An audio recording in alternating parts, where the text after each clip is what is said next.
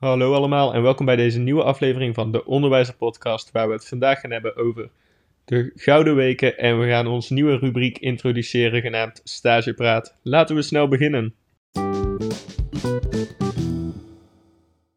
Ja, de Gouden Weken. En mocht dit nou de eerste aflevering zijn waarbij je aansluit bij de Onderwijzer Podcast, ik ben DJ, ik ben hier met de mede-host Kevin. Goedendag. Ja, alweer bijna avond uh, ondertussen. Ja, nu ondertussen alweer wel. Maar het is natuurlijk niet zo dat dat ook voor de luisteraar zo is. Dus, uh... Nee, dat is zeker waar. Uh, ja, de Gouden Weken. interessant onderwerp. gebeurt in de eerste weken van het schooljaar. Ja, zeker. Ja. we zijn er nu ondertussen al wel een beetje uit hoor. Maar dat maakt het natuurlijk niet minder interessant. Zeker niet. Dus uh, ja, dat leek ons wel een, ja, een mooi onderwerp om uh, zo aan het begin te gaan doen. Het is zijn uh, onze gouden weken nog, maar dan voor een podcast. Dus, Zeker waar. Ja, um, ja, mocht je dit op een ander moment luisteren dan wanneer die geüpload is, dat is natuurlijk een grote mogelijkheid. Um, wij zitten nu rond kerstmis. kerstmis zit eraan te komen, net Sinterklaas achter de rug. Dus de drukke kinderen. De spike is al gekomen van de eerste golf, maar um, het wordt er nog eentje. Of ja, in ieder geval iets minder, want Sinterklaas zijn ze toch iets meer van in de basisschool. Ja, toch wel, ja. Um, ja, wij lopen allebei stage op een basisschool en de Gouden Weken zijn voor ons dus op dit moment achter de rug. Um, wij komen zelf niet gelijk de eerste week binnen. Er zit een paar weken verschil in tussen het begin van het schooljaar en het moment dat wij binnenkomen. Uh, ja, klopt. Dus wij komen ergens uh, ja, in de helft van de Gouden Weken zo'n beetje yeah. vallen wij ergens binnen. En voor degene die het niet weet, de, de Gouden Weken zijn natuurlijk de eerste paar weken van, uh, uh, van het schooljaar. En we, we gaan vandaag eens even ja, verkennen waarom die uh, weken dan eigenlijk zo goud zijn. waarom ze goud zijn, dat vind ik mooi inderdaad. Um, ja, de Gouden Weken, daar hangt eigenlijk één andere leertheorie heel erg aan vast. Of één andere theorie. Ja, in ieder geval eentje die we sowieso vandaag willen gaan bespreken, ja? Ja, benoem maar. Uh, ja, dat is uh, de groepsvormingstheorie van een heer Tuckman. Yes. En die gaan we vandaag ook eens er een beetje naast leggen, want die ja, komt toch wel heel snel om de hoek kijken. Inderdaad. Maar we gaan eerst eens eventjes kijken naar waar, ja, wat die Gouden Weken nou zo bijzonder maakt. Ja, wat, wat maakt die Gouden Weken nou bijzonder? Ja, dat, is natuurlijk, dat zijn de eerste weken die de rest van het, van het jaar gaan vormen. Die eerste weken hebben zoveel um, belang bij hoe de groep uh, samen gaat zijn in het doen en laten. En heeft ook baat bij wat er later in het jaar nog gaat gebeuren. Um, ja, wat jij net al zegt, de fasetheorie of de groepsvormingtheorie van Tuckman staat erbij op. En daar is natuurlijk de eerste fase, of natuurlijk, de eerste fase in die theorie is vorming. Uh, zullen we daar eens mee beginnen anders? Ja, ja want uh, de eerste dag uh, kom je in een klas, nieuwe leerkracht, misschien nieuwe klas. Uh, het kan zijn dat je de klas nog hebt behouden, maar toch ga je daar wel wat veranderingen in zien. En eigenlijk is alles op dat moment nog wel redelijk nieuw. Inderdaad. Je weet nog niet zo heel goed wat je moet verwachten, hoe de sfeer in die klas zal gaan zijn. dat is best wel een momentje voor velen. Ja, het is ook het moment waarbij de, de groepsleden hun wensen bespreken en de verwachtingen stemmen ze eigenlijk een beetje op elkaar af. Dus het is echt het moment dat je, ja, ja vorming, het zegt het eigenlijk, hè, vorming. Uh, ja, hoe moet ik het uitleggen? Je vormt, uh, je gaat met elkaar eigenlijk veelal non-verbaal. Kom je erachter wat je wel bij elkaar kan maken, wat je niet bij elkaar kan maken en um, dat soort dingen. Ook is de vraag, je hebt veel vragen als je op het moment uh, na de zomervakantie de klas binnenloopt meer vragen als je een nieuwe klas hebt dan wanneer je je klas behoudt. Maar um, de, de, de taak aan de leerkracht is dan ook om met die vragen om te gaan en ze niet links te laten liggen. Nee, nee, dus uh, de leerkracht speelt daarin ook een grote rol. Ja, het is als het ware een, uh, een verkenningstocht. Uh, maar die moet natuurlijk wel van twee kanten komen. Het is natuurlijk fijn dat jij weet hoe het met de kinderen zit. wie krijg jij in je klas? Want als leerkracht is het ook al even weer wennen. Uh, maar het is voor de kinderen ook al heel fijn dat ze een beetje een idee krijgen nou, met wie ze nou eigenlijk te maken hebben. Dus ja, het is uh, inderdaad de, ja, de vormingsfase is uh, de fase waarin ze elkaar een beetje gaan leren kennen. En ja, heel vaak zie je dat ook dat er dan ja, een beetje van die groepsvormende activiteiten gedaan worden. Want zo, ja, je wil toch al een beetje een, een leuke sfeer in de klas krijgen. Zeker. Ja, die groepsvorming activiteiten zoals jij ze net benoemt, dat zijn veelal eh, coöperatieve werkvormen, dus dat ze met elkaar bezig zijn, eh, actief zijn, niet uh, stilzitten op de groep. ze werken ook vaak in groepjes en dan heeft de leerkracht daarin een rol om niet vriendje bij vriendje te zetten en vriendinnetje bij vriendinnetje, maar juist ervoor te zorgen dat ehm, leerlingen die elkaar misschien minder goed kennen bij elkaar komen. Ja. En ehm, vaak is dat ook het moment dat misschien zelfs nieuwe vriendschappen al ontstaan. Al komen die verder in het jaar, kunnen die nog veranderen daar zij de verwachtingen nog niet volledig uitgesproken hebben met elkaar. Ehm, ja, hoe dat slaat op de Gouden Weken, de vormingfase, dat is natuurlijk omdat die Gouden Weken, dat zorgt eigenlijk voor het groepsklimaat, inderdaad, zoals je het zegt. En die wil je zo positief mogelijk benaderen. En dus is het van belang dat jij ehm, de eerste drie fases, we hebben net vorming besproken, maar ook norming en eventueel al storming, dat je die echt goed uh, doorloopt of een goed begin eraan maakt tijdens de Gouden Weken. Um, ja, we kunnen het even over norming hebben. Dat is de tweede fase van de fase-theorie van Tuckman. Ja, want uh, inderdaad, eh, de eerste week in de Gouden Week is vooral heel erg veel vorming. En na één, twee weken zoiets, switchen wel een beetje richting de normingfase. Um, en voor norming, of normering, zoals we dat dan in het Nederlands uh, mogen zeggen, uh, ja, je hoort het dan al wel een beetje. Dan ga je eigenlijk een beetje de normen in de groep stellen, de regels. Die komen dan wat meer aan het licht. Um, ja, het, het, wordt een beetje uh, duidelijker wat nou precies de regels zijn in de klas. Wat er nou precies de verwachtingen zijn vanuit de leerkracht vooral. Zeker. Dus ja, het is niet alsof je daar precies gaat zeggen, nou dit zijn de regels en zo gaan we het doen. Want het is juist heel erg veel in combinatie en in uh, interactie met leerlingen dat die dat, dat wordt vastgesteld. Maar ja, het wordt wel een beetje wat duidelijker wat nou eigenlijk de verwachtingen zijn voor dit jaar. Hoe die klas een beetje gaat lopen, zeg maar. Ja, en die um, problemen, dat is dan ook in de normingfase. De, je hoopt eigenlijk die problemen dus al preventief uh, te, ja, op te lossen. Hoe moet ik het zeggen? Je, je wil eigenlijk niet dat de problemen die er zijn, die mag je zeker wel bespreken met de klas, dat is heel goed. Maar je hoopt eigenlijk dan tijdens die fase dat je zodanig regels hebt opgesteld, dat die regels al voorkomen, dat die problemen al voorkomen worden. Ja, zeker. Um, dus mag je zeker wel als leerkracht zijn de, de, je gedragsverwachtingen met de klas uitspreken. Um, vertellen wat je van de leerlingen verwacht. En ook mogen de leerlingen, zeker niet uh, minder belangrijk, mogen zij uitspreken wat ze van jou als leerkracht verwachten. En natuurlijk mag je daar een beetje uh, sturing in hebben. Ja, ja, uh, ja, die tijd waarin de leerkracht echt een lijst met, met regels had en dat is het en je luistert er maar naar, die zijn we echt al wel voorbij. Ja. Dus die regels worden ook zeker met leerlingen gemaakt, ook op de stageklassen waar wij zijn geweest. Zeker, zie je dat ook echt wel terug. Um, zo krijg je zeg maar dat je als groep, niet alleen maar als leerkracht, maar echt als groep, ja, de normen van die groep vaststelt. En als iemand zich daar dan niet uh, aan wil houden, dan spreek je niet alleen maar tegen de leerkracht in, maar eigenlijk tegen de groep. En dat is natuurlijk ook een beetje het achterliggende doel wat uh, ja, erbij bedacht is natuurlijk. Um, en zo ja, wordt het een beetje duidelijk wat er nou uh, van die groep verwacht wordt. Ja. En, dan, ja. en hier spelen ook die, die um, rollenspellen, wat ik zei, die coöperatieve werkvormen weer een hele belangrijke rol. Omdat nou juist nu de regels zijn en um, wij die kunnen hanteren, kunnen ze tijdens zo'n rollenspel misschien in een klein conflictje komen. Of, en dan kunnen we gelijk zeggen van, hé, maar dit is niet afgesproken met elkaar. Uh, kijk eens wat we samen hebben besproken. Dus als er iets is aan een probleem, dan kun je niet zeggen: Nee, ik als leerkracht heb gezegd dat we het zo gingen doen. Nee, we hebben die, die regels samen met de groep besproken, dus dan dienen we, dienen we ons daar ook samen aan te houden. En, en zulke conflicten kunnen dus terugkomen tijdens rollenspellen. En die kun je dan ook op dat moment oplossen door daarop terug te komen. Zeker. Derde fase. Ja, want eigenlijk ga je dan uh, meteen een beetje door naar de volgende. En dat uh, is de mooie fase van de storming, ofwel bestorming. Zeker. Als we het Nederlands uh, zouden noemen. um, en deze fase is een beetje de onrustige fase. Dus het lijkt dan altijd in de normingfase een, tot het een beetje ja, rustig is geworden. Maar dan ineens begint het weer een beetje ja, te pieken, zeg maar.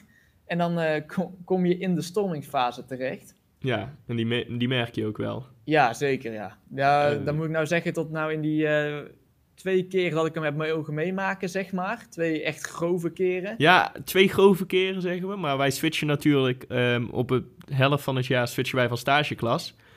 En stelt de fasetheorie van Tuckman dat zodra er ook maar één lid in de groep verandert, alhoewel hij niet in zijn volledige gang opnieuw zou zijn, ehm, Ja, als het ware ga je dan inderdaad... je eh, gaat als het ware helemaal terug naar vorming. Ja. De groep moet jou leren kennen, jij moet de groep leren kennen, jij moet jouw verwachtingen uitspreken van de groep. De groep wil weten wat ze bij jou wel kunnen maken. Dus dat is dat moment dat ze jou een beetje eh, ja, aan het uittesten zijn van eh, hoe ver kan ik nou bij meneer Kevin gaan, met welke soort dingen.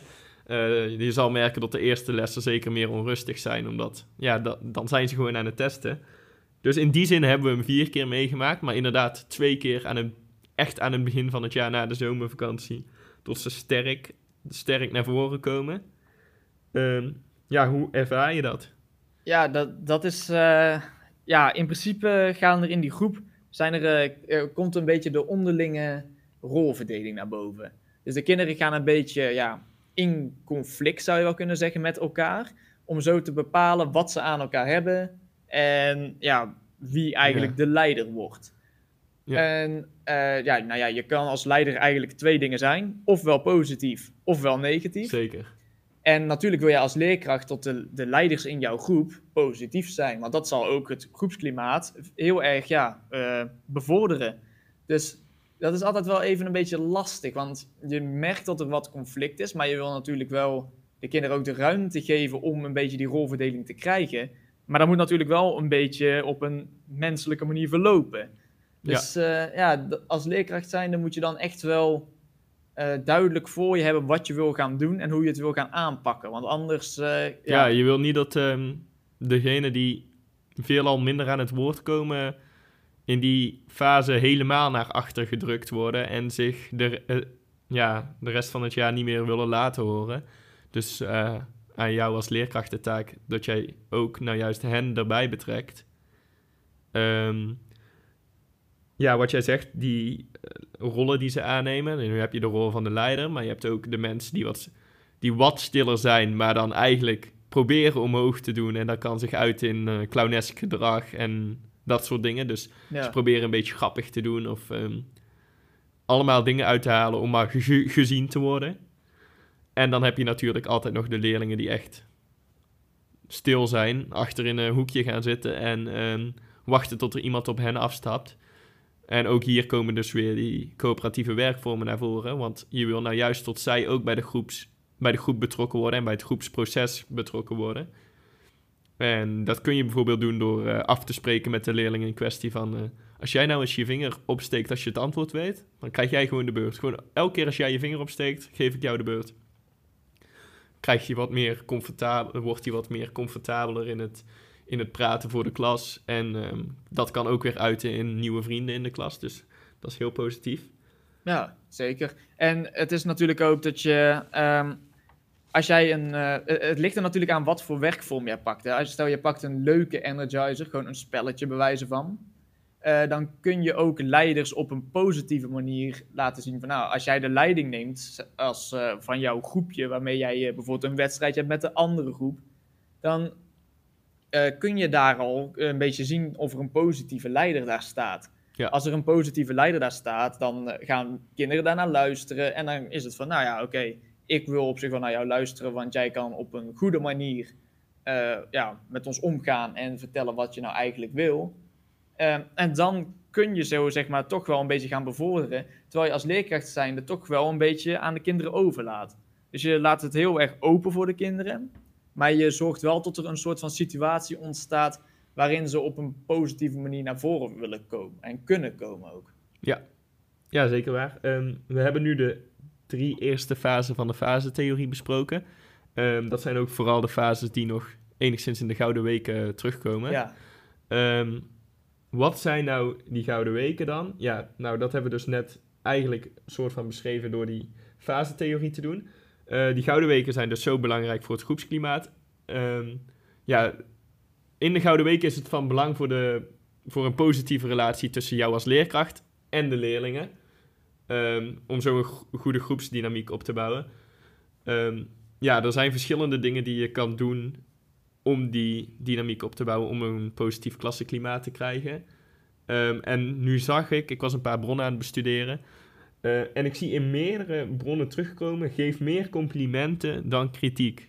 Waarom zou dat zijn? Eh, nou ja, je wil natuurlijk ook een beetje het positieve in je groep. Want eh, ja, we hebben het erover eh, dat we een positieve groep willen. Dus waarom zou jij dan als leerkracht negatief zijn? Dus als jij veel positief bent, dan nodig je de kinderen ook eigenlijk een beetje uit om ook positief te zijn. En ja, met complimenten kan dat nou eenmaal beter dan kritiek. Ja, Nu heb ik ooit wel eens een keer ergens een statistiek gezien met dat één, eh, één negatieve opmerking eh, ongeveer gelijk staat aan eh 10 complimenten. Dus om dat weer een beetje recht te trekken, zeg maar. Mhm. Eh, in hoeverre dat voor iedereen geldt, weet ik niet. Maar het is wel interessant om even na te gaan. Stel dat dat zo is, dan is het wel belangrijk inderdaad dat je wel genoeg complimenten geeft die ook nuttig zijn. Hè? Dus niet alleen maar wat heb je een leuk shirt aan. Ja, zeker. Eh, gewoon ook op wat, het, wat voor werk ze leveren, op, in hun doen en laten. Dat soort dingen. En ehm, dan lees ik hier een bron, De Kracht van de Gouden Weken. Die zeggen ook, geef meer complimenten dan kritiek. En dan zeggen ze nog iets anders, wat ik er heel goed bij vind passen. Dus ik snap niet dat ze die niet onder elkaar hebben gezet. Maar dat eh, terzijde. Ehm, geef complimenten klassikaal en bestraf één op één. Dat is iets waar ik zelf ook eh, probeer aan te werken. Ehm, soms merk ik wel zelf, dan ben ik in een bepaalde situatie. En dan zal ik het niet bestraffen noemen, maar meer waarschuwen in die zin. En dat dat dan toch klassikaal gebeurt en dat er toch een paar leerlingen zich aangesproken voelen die op dat moment helemaal niet eh, dat, dat gevoel zullen moeten hebben. Ehm, ja, dat is wel van belang. Dus ehm, die complimenten, wat ze eigenlijk al zeggen, dat je dat klassikaal doet. Van ehm, hey, kijk eens hoe goed die werkt, of kijk eens hoe goed jullie als groep zijnde hebben gewerkt. Maar als er dan iets fout is gegaan, dat je gewoon die leerling even apart neemt, of ehm, tijdens de pauze dat ze naar buiten aan het lopen zijn, dat je hem even laat wachten. Dus dan ziet ook niet de hele groep dat je iets tegen hem wil zeggen, of haar. Ehm, ja, ik vind dat een hele goede. Eh, verder hebben ze nog een paar andere, ja, hoe kun je noemen, tips om de Gouden Weken te beïnvloeden. Ik Ja. weet niet of jij er nog zo een interessante uit kan pakken. Ja, we hadden het al even over dat relatiestukje. Je moet echt wel je leerlingen leren kennen in die eerste paar weken. Want anders ja, hebben al die andere dingen weinig effect. Ja, maar wat is nou leren kennen? Wat, wat, wat hoort er allemaal bij? Want Ja. het is niet, eh, hallo, jij bent eh, Lotje of eh, Pietje, nu ken ik je. Nee, zeker niet. Nee, we hadden het eh, volgens mij vorige week ook alweer heel eventjes over de basisbehoeften. En dat is iets wat je waarschijnlijk wel wat vaker terug gaat eh, horen hier. Dat denk ik ook. En een van de basisbehoeften van een kind is toch echt wel een goede relatie. Hmm. En dat is dan wel met klasgenoten, maar ook met leerkracht. Ofwel, eh, als een kind iets tegen jou vertelt, dan wordt het toch wel eigenlijk van jou. Het kind verwacht dan dat jij dan ook daadwerkelijk naar het kind luistert. En ook, eh, ja, je hoeft niet per se natuurlijk elk detail te onthouden. Maar het is natuurlijk wel, als jij geïnteresseerd luistert, onthoud jij vanzelf iets. Hmm. En dat zorgt ook dat er sommige gesprekken gewoon veel beter gaan. Ja, en eh, daarbij toevoegend, eh, wanneer je zijn naam weet of haar naam weet, is het heel leuk. Maar je kan het dus ook gaan hebben over gezinssituatie, al moet je daar wel een beetje mee kijken hoe je dat aanpakt. Maar over hobby's van het kind, eh, talenten, wat vinden ze leuk om te doen buiten schooltijd. En op deze manier kun je ook de belevingswereld van een leerling erbij betrekken. Ja, en Dus- ook veel beter begrijpen. Ja, natuurlijk. ja, ja, je begrijpt de belevingswereld uiteraard, maar je kan het er ook bij betrekken in andere situaties. Zo kun je bijvoorbeeld, ehm, wanneer je dus een goede relatie hebt met de leer- leerling en veel over de leerling weet, kun je misschien een keer jouw rekenles beginnen vanuit een betekenisvolle context. Dus kun jij zeggen van, eh, nou stel, wat kan ik zeggen, iemand zit op paardrijden. Mhm. En ehm, dan kun je zeggen, nou, ik ging gisteren naar de manege toe. En ik zag eh, drie, rallen, drie rijen van vijf stallen staan. Hoeveel stallen waren er in totaal? Ja, zeker. En dan, en dan heb je toch de keersom drie keer vijf gedaan. En je weet dat de leerling in kwestie die het moeilijk vindt van paardrijden houdt. 1 plus 1 is 2. Positief kind. eh, ja, die vindt het gelijk veel leuker. Ja, ja dus dat zo, het is ook een beetje motiverend, zoals je dat zegt, ja. Ja, Zeker. dus eigenlijk iets wat je in de gouden weken al doet, heeft eigenlijk, heb je eigenlijk profijt van voor, voor de rest van het jaar. Ja, en dat is niet alleen maar met dat stukje relatie. hè, Want eh, we hebben het al de hele tijd over dat we graag eh, een positieve groep willen hebben. Maar eh, we hebben het eigenlijk nog niet echt gehad over hoeveel ja, voordelen dat dan daadwerkelijk heeft. Ja. En het is ook wel leuk om daar misschien even naar te kijken. Want ja, we hebben het inderdaad over. eh, we hadden het net al even over die stille leerling, die misschien niet eh, meer echt naar voren durft te komen. Mhm. Maar wat dan ook wel leuk is, is dat als je zorgt voor een positieve groep met positieve leiders, dat jij dan een veel veiliger klimaat creëert. En we hadden het daar straks al heel eventjes over drama in de klas. Ja. Eh, voor drama is het natuurlijk heel erg belangrijk dat je een veilig klimaat hebt. Want anders ja, kun jij niet volledig, tot in de volledigheid zeg maar performen, zou ik maar zeggen. Ehm, en dat, dat zijn wel dingetjes waar je later heel veel profijt van hebt. Ja. En als je bijvoorbeeld een foutje maakt en heel de klas gaat lachen, eh, als kind zijn we dan, hè? dus eh, een kind maakt een foutje en heel de klas begint keihard te lachen, dan heb je denk ik niet precies waar je, ja, wat je wil hebben. Niet dat, dat groepsklimaat waar je precies op zit te hopen. Nee, inderdaad. Dus je wil ook veiligheid creëren. Nu, wat jij net zegt, merk ik sowieso wel terug bij kinderen. Want ehm, ik had ergens iets gelezen of gezien van een juffrouw die kwam de klas binnen. En die schreef de, sommen, de keersommen van 9 op het bord. Ik weet niet meer waar ik het vandaan heb. Ja, volgens mij weet ik wat je 1 keer bedoelt. 9 tot 10 keer 9 heeft ze opgeschreven. En 1 keer 9 had ze... 1 keer 9 is 7 opgeschreven. Mhm. En de leerlingen, die zaten allemaal van... Haha, kijk, je hebt 1 keer 9 fout. Ja? En ehm, dat deze puur om daarna in gesprek te gaan. En ik vond het zo mooi, ik denk dat ik het nog wel een keer wil gaan gebruiken. Om daarna in gesprek te gaan van...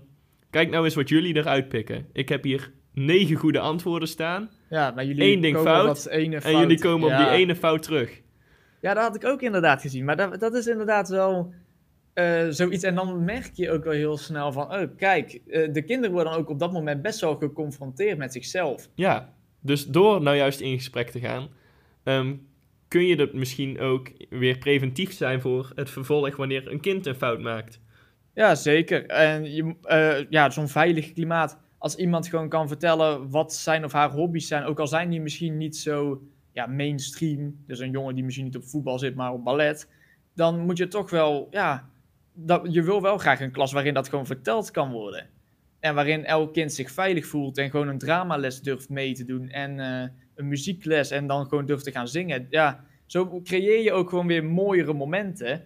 En zo komt de vierde fase van de groepsvorming, waar, ja, dus we hebben nou de eerste drie gehad. De vierde fase, de performing of prestatiefase. Zo wordt die veel mooier eh, ja, vormgegeven en is die veel effectiever en leuker. Zeker. Ehm, ja, dan zien we hier nog een paar staan. Ik heb hem voor jou openstaan. eh audio kan het niet eh, zien. Bespreek regelmatig het doel van de schoolregels en klassenregels. Ik zat deze te lezen en ik vroeg me af: betekent dat dan dat je een vast moment pakt van hé, hey, nu gaan we eens de regels lezen?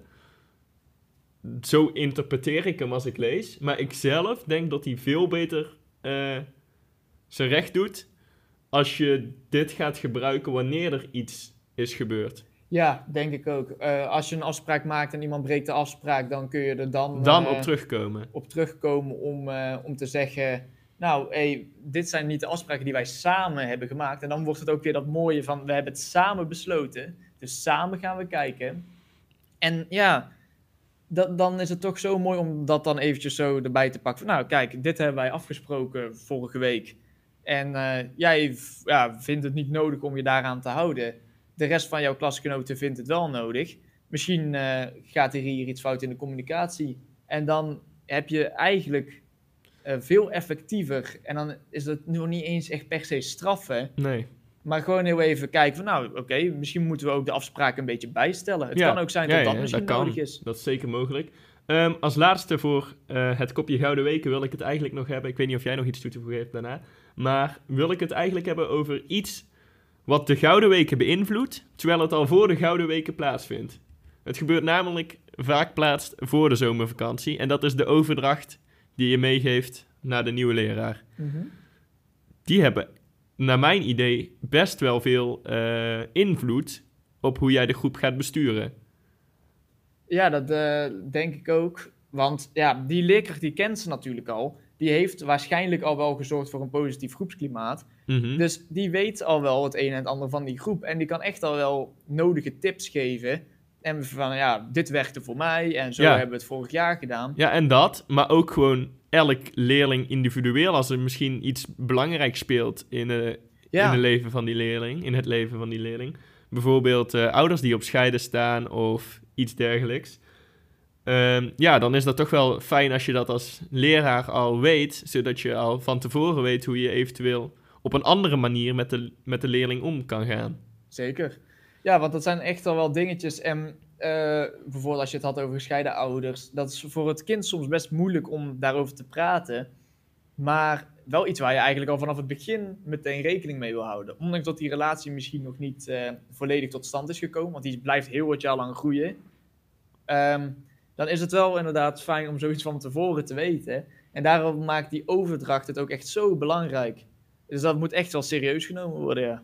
Ja, Ehm, dan denk ik dat we heel veel van de Gouden Weken en de fasetheorie van Tuckman, de groepsvorming, eh, besproken hebben. Ja, ja want eh, we hebben nu drie van de vijf fasen. De laatste twee fasen die vallen dus buiten de Gouden Weken. Dat zijn de, de performing, zoals ik net al even zei.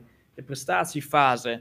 Ja, dat is eigenlijk zo'n beetje de rest van het jaar, waarin alles een beetje duidelijk is. De rolverdeling is duidelijk en eh, het loopt zoals het loopt. Dus ja, de groep kan eigenlijk aan het werk. Mits die positief is natuurlijk. Positieve groep kan aan het werk.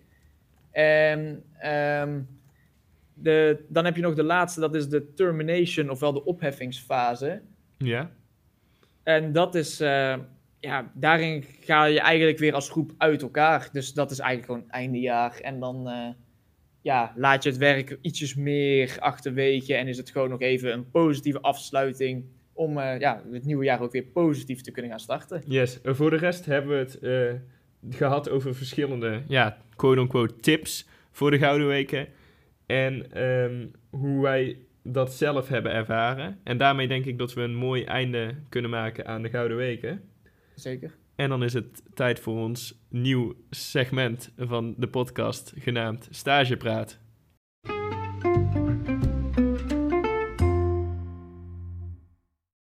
Yes, en dan zijn we aangekomen bij ons gloednieuwe segment Stagepraat.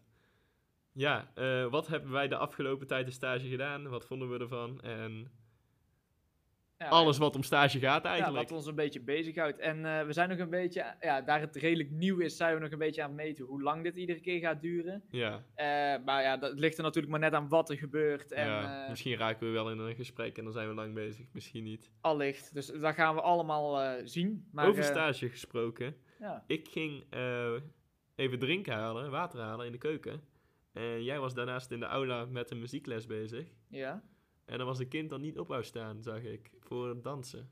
klopt. Ja, Maar wat gebeurde er? Eh, ja daar, we hebben wel een paar. eh, ja, dat past een beetje mooi bij mindset. Het is wel iets anders qua motivatie. Maar eh, ja, die motivatie van eh, onder andere die leerling is redelijk ver te zoeken bij heel veel.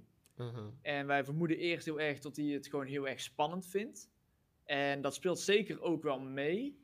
Maar het is niet alleen maar omdat hij het spannend vindt. Want spannend vinden, dat kan natuurlijk ook wel eh, juist motiverend zijn. Maar hij denkt ook wel vaak, eh, als ik het niet hoef te doen, dan ben ik er makkelijk vanaf.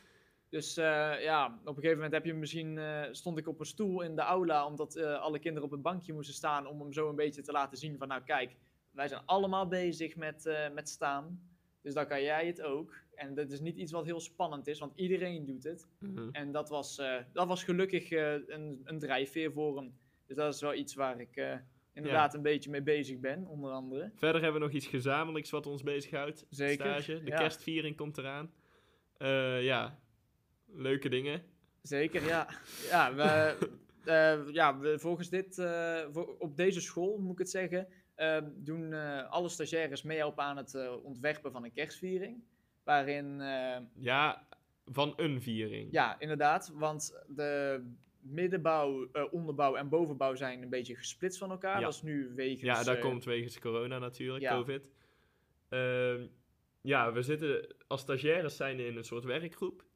En in die werkgroep worden al dingen gedaan. En dan buiten die werkgroep om ehm, werken wij er ook aan. Dus wij zitten allebei niet in de werkgroep kerst, maar we hebben er wel wat aan gedaan. Zeker. Eh, wij zijn op het idee gekomen, wij hebben bouw, eh, de bovenbouw, groep Ja. 6, 7 en 8. En ehm, ja, vertel maar, wat hebben wij voorbereid? eh? Ja, nee, het is een half uurtje, drie kwartier hooguit. Ja, inderdaad. Een redelijk korte viering. waarin we toch de gedachten van kerst willen meegeven. Zeker. Maar toch, eh, vooral, ja, we willen ons vooral focussen op de aansluiting op de leefwereld en belevingswereld van eh, groep 6, 7 en 8ers. Mhm. En daarom zijn wij eh, gaan kijken of we het misschien in een, in een quiz kunnen gaan gieten. Ja. En met, met kerstmuziek is echt wel de sfeer er goed in. Ja, wij zijn een soort van presentatoren op een, op een podium en we gaan een tussen haakjes pubquiz houden. Ja. Waar wel gewoon de gedachtegang van kerst in komt. Dus ook vragen die echt op het kerstverhaal slaan. Uiteraard ook wat vragen die eh, misschien over de sneeuwman, eh, over de sneeuwpop en de kerstman gaan.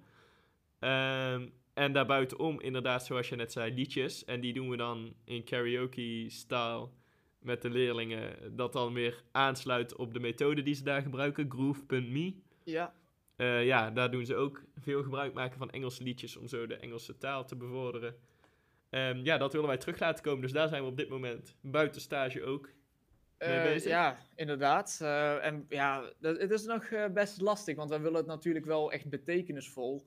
En ehm, dan moet je wel eens ja, een paar dingetjes weglaten of juist erbij voegen.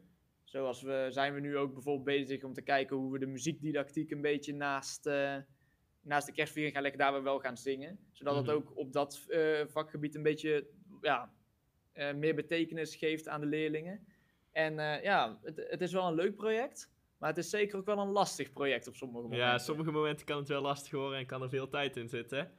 Ja, zeker. Maar eh, ja, als we er dan iets moois van kunnen maken, En wat ook... de leerlingen blij zijn, dan is dat dat, het is ook heel belangrijk, ja. Ehm, verder, wat mij op stage bezighoudt, was... Ik had afgelopen twee, anderhalve week... een paar keer iets met een les. En de leerlingen waren me toch druk. En dat kan zeker een groot deel zitten in de Sinterklaas en kerst. Mhm. Eh, dat is natuurlijk wel, ook al heb ik 6, 7, is dat nog steeds altijd een beetje spanning die daar opbouwt bij de Ja, leerlingen. zeker. En eh, zeker die pakjesavond, dan de dag voor pakjesavond. Dus ehm, dat was al iets. Maar ook, ik had ze een keer stilgelegd, of in ieder geval, ja, ze kan ik dat stilgelegd noemen. Ik had ervoor gezorgd dat het minder druk was. En toen gingen ze verder, toen heb ik er nog iets van gezegd. En op een gegeven moment komt mijn mentor binnen, dus de echte leraar van die klas Mhm. die legden ze ook stil. Maar zelfs toen hij zijn rug keerde en ging helpen, begonnen ze weer. Ja. En in eerste instantie dacht ik van ja, dat is best wel asociaal eigenlijk.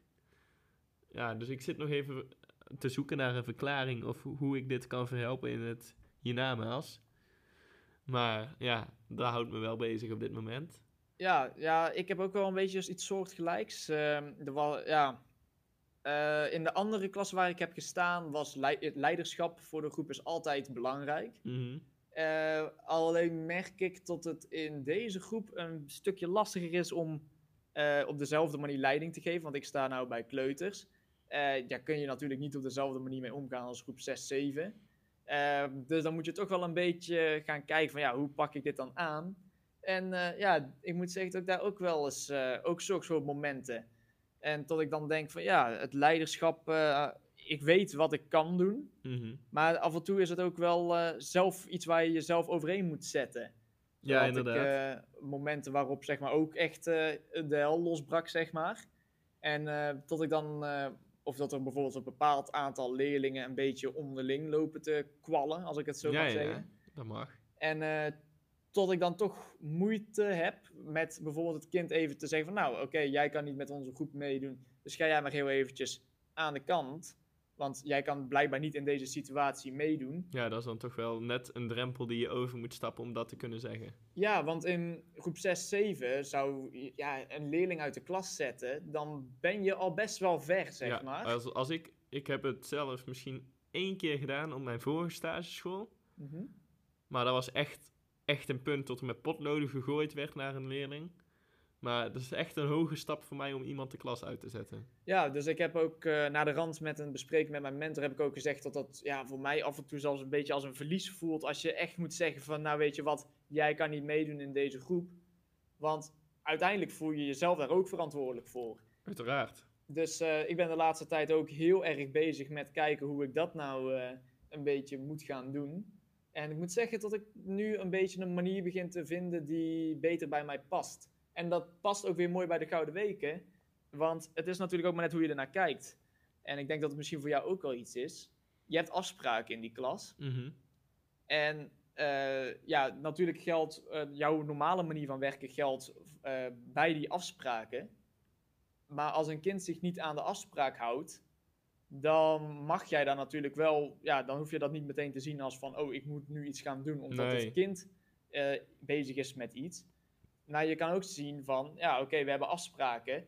Eh, zo ga jij eigenlijk tegen het groepsklimaat in. En dan kun je misschien wel zeggen van, nou, oké, dit is wel een motivatie om even te zeggen van, nou, nou is het klaar. En nou krijg jij even ofwel een time-out of je kiest iets anders, zeg maar. Ja, ja. Maakt eigenlijk niet uit, al spreek je hem aan.